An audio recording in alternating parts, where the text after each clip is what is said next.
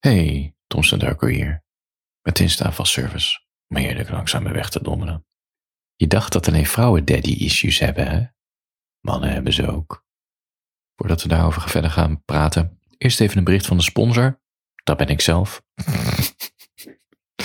ik vind het zo droog dat ik mezelf sponsor.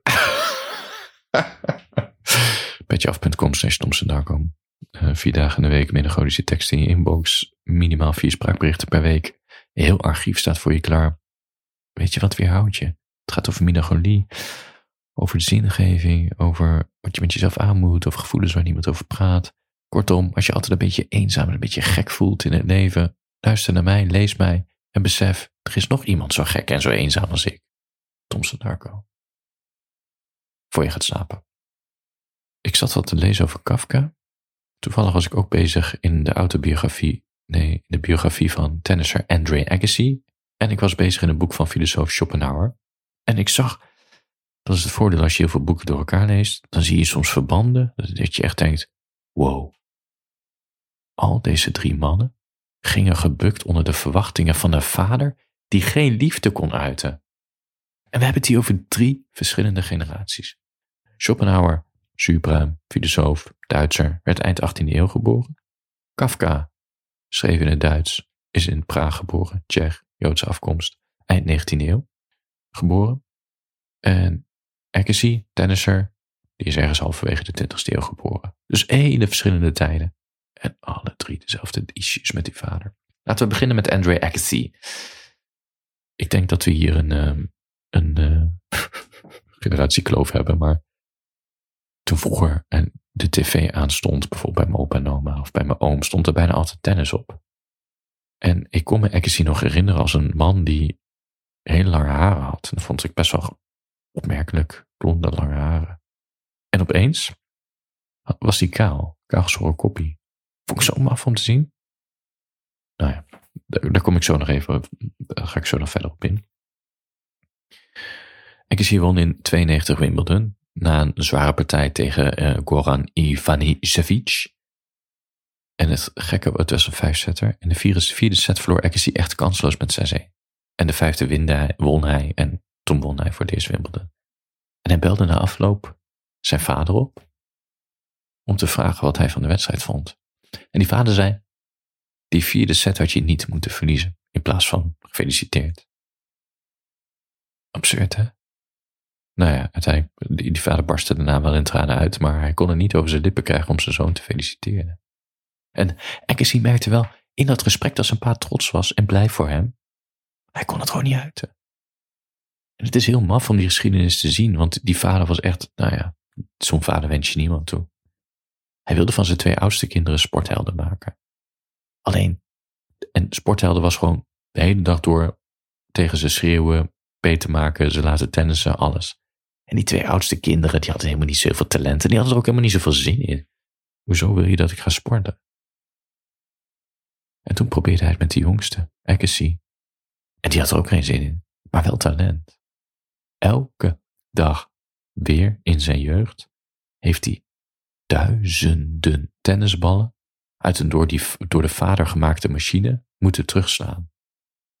Want het idee was, hoe meer slagen je in de armen hebt, hoe beter, hoe, dat je voorsprong opbouwt met alle andere talenten op de wereld. Elke dag. Weer. En Agassi begint die biografie ook met van, ja, ik haat tennis. En hij haat iets, en toch wordt hij de succesvolste tennisser ter wereld. Omdat zijn pa dat van hem verlangde. Oei, oei, oei. Hij had ook last van onzekerheden. Hij werd best wel vroeg kaal, Agassi. Dus hij ging een uh, pruik dragen. Het is, wel, het is heel opmerkelijk om die biografie te zien hoe hij een soort beeld probeert te vormen van iets wat hij niet is. Hij probeert niet alleen zijn vader te pleasen, maar hij is ook bezig met hoe andere mensen hem zien. Dus hij gaat een pruik dragen, allemaal dat soort dingen. Het is een, hij is vooral de grootste vijand, is hij zelf. Door onder andere zijn perfectionisme. En uiteindelijk krijgt hij de juiste coaches en de juiste inzichten. En dan gaat hij ook die pruik afdoen. En dan komt hij erachter dat het niet om perfectionisme gaat, maar om elke bal terug te slaan over het net. Het hoeft niet perfect. En zolang je meer ballen over het net terugslaat dan je tegenstander, zo is het ook, dan win je. En dan ben je de beste ter wereld. Zo geschieden. Oppekon Schopenhauer had dus ook zo'n pa. Schopenhauer is mijn favoriete filosoof. En het is heel maf om in die biografie van Schopenhauer te lezen hoe hij in het begin van zijn leven zich heel ondergeschikt maakte aan zijn pa. En het was een vader die, die met de harde hand zijn zoon opvoedde. En niet alleen dat, hij bracht hem ook de nodige intellectuele bagage mee, die vader. Verplichtte hem de nodige talen te leren, nodige kennis op te doen. Dus ja, het was een soort intellectuele tough love relatie. De vader was een succesvol handelaar trouwens. Maar ja, je kan wel succesvol handelaar zijn. Die vader had heel veel last van depressies en fysieke pijnen, vooral aan het einde van zijn leven. En het was Arthur die hem verzorgde, niet zijn moeder. Wat heel opmerkelijk is, want die, het, was geen, het was geen gelukkig huwelijk. Ik weet niet of ze per se uitgehuwelijkt waren, maar het had wel iets. Ze waren gewoon niet verliefd. Het was, er was geen chemie. En die moeder had gewoon geen zin om een soort traditionele vrouwenrol op te nemen. Dus die, die, die had zelf een heel sociaal leven met allemaal. Uh, bijvoorbeeld Goethe zat in haar kennissenkring en allemaal andere intellectuelen. Die, die had heel veel feestjes en nou waarschijnlijk ook wat geliefdes of minnaars. Het gekke was aan die vader, of in ieder geval het gekke was, die vader had altijd kritiek op Arthur. Arthur liep te krom. Hij moest eerst eens een keertje leren om fatsoenlijk indruk te maken op mensen. Hij moest vooral een succesvolle koopman worden zoals hij zelf. Zijn hele korte leven lang dat ze samen hadden, is hij helemaal, ja, verbaal kapot gemaakt. Zijn vader pleegde uiteindelijk zelfmoord. En die zelfmoord heeft Arthur zijn moeder zijn hele leven kwalijk genomen. En dat is best, het is best gek. Arthur is heel wrang. Ziet ook later in zijn leven, heeft ook hele, heeft ook hele negatieve dingen. Heeft, heeft, hij, haat vrouwen, ook Schopenhauer. Het is, ja, het is gewoon een echt getraumatiseerde jongen. Mede door vele mislukte liefdes. Hij viel, laten zeggen, altijd op vrouwen die al bezet waren. dus ja, die romances waren gedoemd te mislukken. En de een of andere manier heeft hij een hele bittere kijk op vrouwen gehad. Dat gedeelte van zijn denkwijze neem ik ook totaal niet serieus. Maar goed. Hij nam het de ma kwalijk omdat hij pa zelfmoord pleegde. Eén, omdat hij vooral voor haar zorgde in plaats van zij. Terwijl zij dacht van ja, ik heb helemaal geen zin in die mentale last, het is wel goed met jou. En, maar Arthur was meer van het plichtsbesef van dit doe je uit plicht. Of je nou van hem houdt of niet, dit is je plicht. En die periode nadat die vader is overleden, plant hij echt in een zwart gat. Want je hebt altijd iemand gehad in je leven die je bijna met een soort zweep opvoedde. Nu is die weggevallen. Ja, wat nu? Elke beslissing die Schopenhauer neemt in zijn leven voelt hij zich ook schuldig richting zijn vader. En die jaren die volgen, blijft Arthur ook een soort poging doen om een koopman te worden, terwijl hij dat helemaal niet in zich heeft. Het zit, het zit niet in hem. Maar hij probeert nog steeds in de geest van die vader. En hij is diep ongelukkig. Diep, diep ongelukkig. Die moeder is niet zo sentimenteel om de dood. Die begint ook vlak na de dood al heel snel met verkopen van onderdelen van de onderneming. En van het geld kunnen ze, zij en Arthur ook heel goed leven. Eigenlijk de rest van het leven. Arthur hoeft de rest van zijn leven nauwelijks te werken door dat geld dat daardoor vrijkomt. En die moeder snapt ook van het geld wat nu vrijkomt, kan ik Arthur ontlasten om die morele plicht om de zaak over te nemen los te laten. Het gaat het gewoon niet worden. Het is, het is goed zo. En Arthur heeft veel last van melancholie die periode. Uiteraard. Dan moet je met het verlies van je vader omgaan waar je zo'n haat-liefdeverhouding mee hebt. En naar buiten toe vervult hij nog steeds die wensen van zijn vader. En verbinden wil hij zo graag een andere kant op met zijn leven. Echt, het is dat, dat, dat dilemma tussen, hij, hij voelt zich verscheurd tussen plicht en verlangen.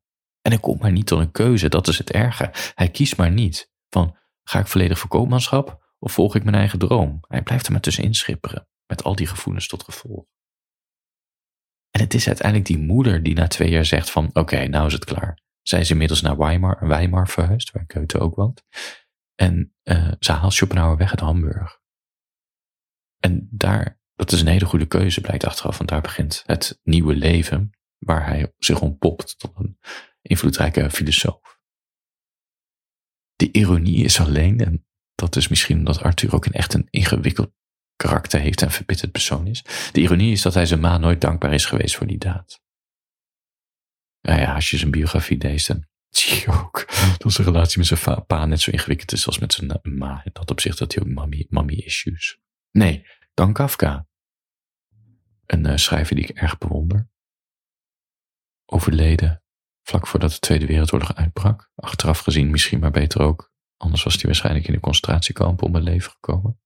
Kafka heeft een, een lange brief aan zijn vader geschreven en nooit verstuurd. En het is uh, gebundeld in een boekje met ook allemaal andere korte vader van Kafka. En die brief is echt heel mooi. Het is echt een hele mooie, oprechte, gevoelige brief. Het is echt een gevoelige man. En ik heb een zwak voor gevoelige mannen, want ik ben er zelf een. Ik zat, nadat ik dat boekje had gelezen, een beetje te googlen. En ik kwam een kritisch artikel tegen in een Nederlands opinieblad, die niet geloofde dat Kafka die brief meende. En weet je waarom ze het niet geloofden? Omdat, ja, wat had die pa nou echt gedaan? Hij had ze af en toe buiten de deur gezet als ze ruzie hadden. Ja, heftig, maar het kan toch niet zo dramatisch zijn? Ik bedoel, hij is niet mishandeld of misbruikt. En ik dacht echt, dan heb je gewoon die hele brief niet begrepen. Waarom moet trauma per se via geweld of vernedering plaatsvinden? Het zijn juist die woorden die Kafka zo raakten. Dat niet erkend worden, wat Schopenhauer ook zo raakte. Kafka is een supergevoelige man. Dat merk je in zijn dagboek, in zijn verhalen, de manier waarop hij leefde. Als je elke keer het gevoel hebt dat je niet, genoeg, niet goed genoeg bent, dan drukt dat zwaar op je ziel. En dat was met Kafka zo. Bijvoorbeeld dit stukje in die brief.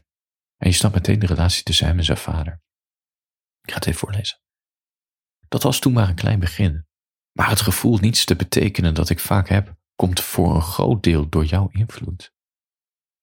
Ik had een beetje aanmoediging nodig, een beetje vriendelijkheid, een beetje vrijheid om mijn eigen weg te vinden.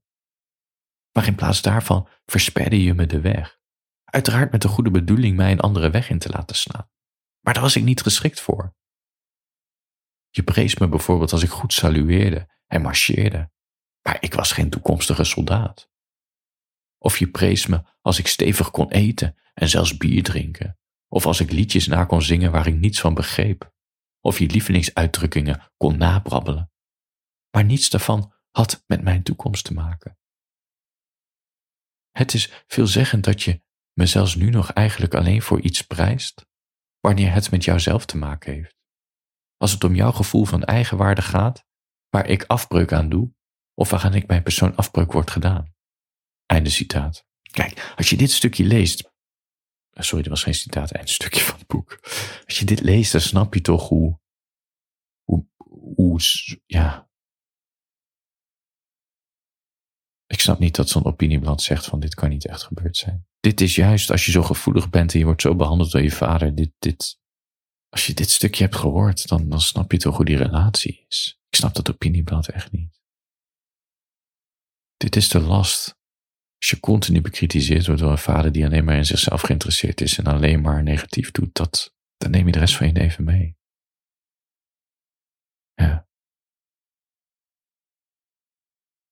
Nog één bericht van de sponsor. petjeaf.com slash Thompson Darko. Deze tekst kwam uit mijn dagelijkse mail. Slaap lekker.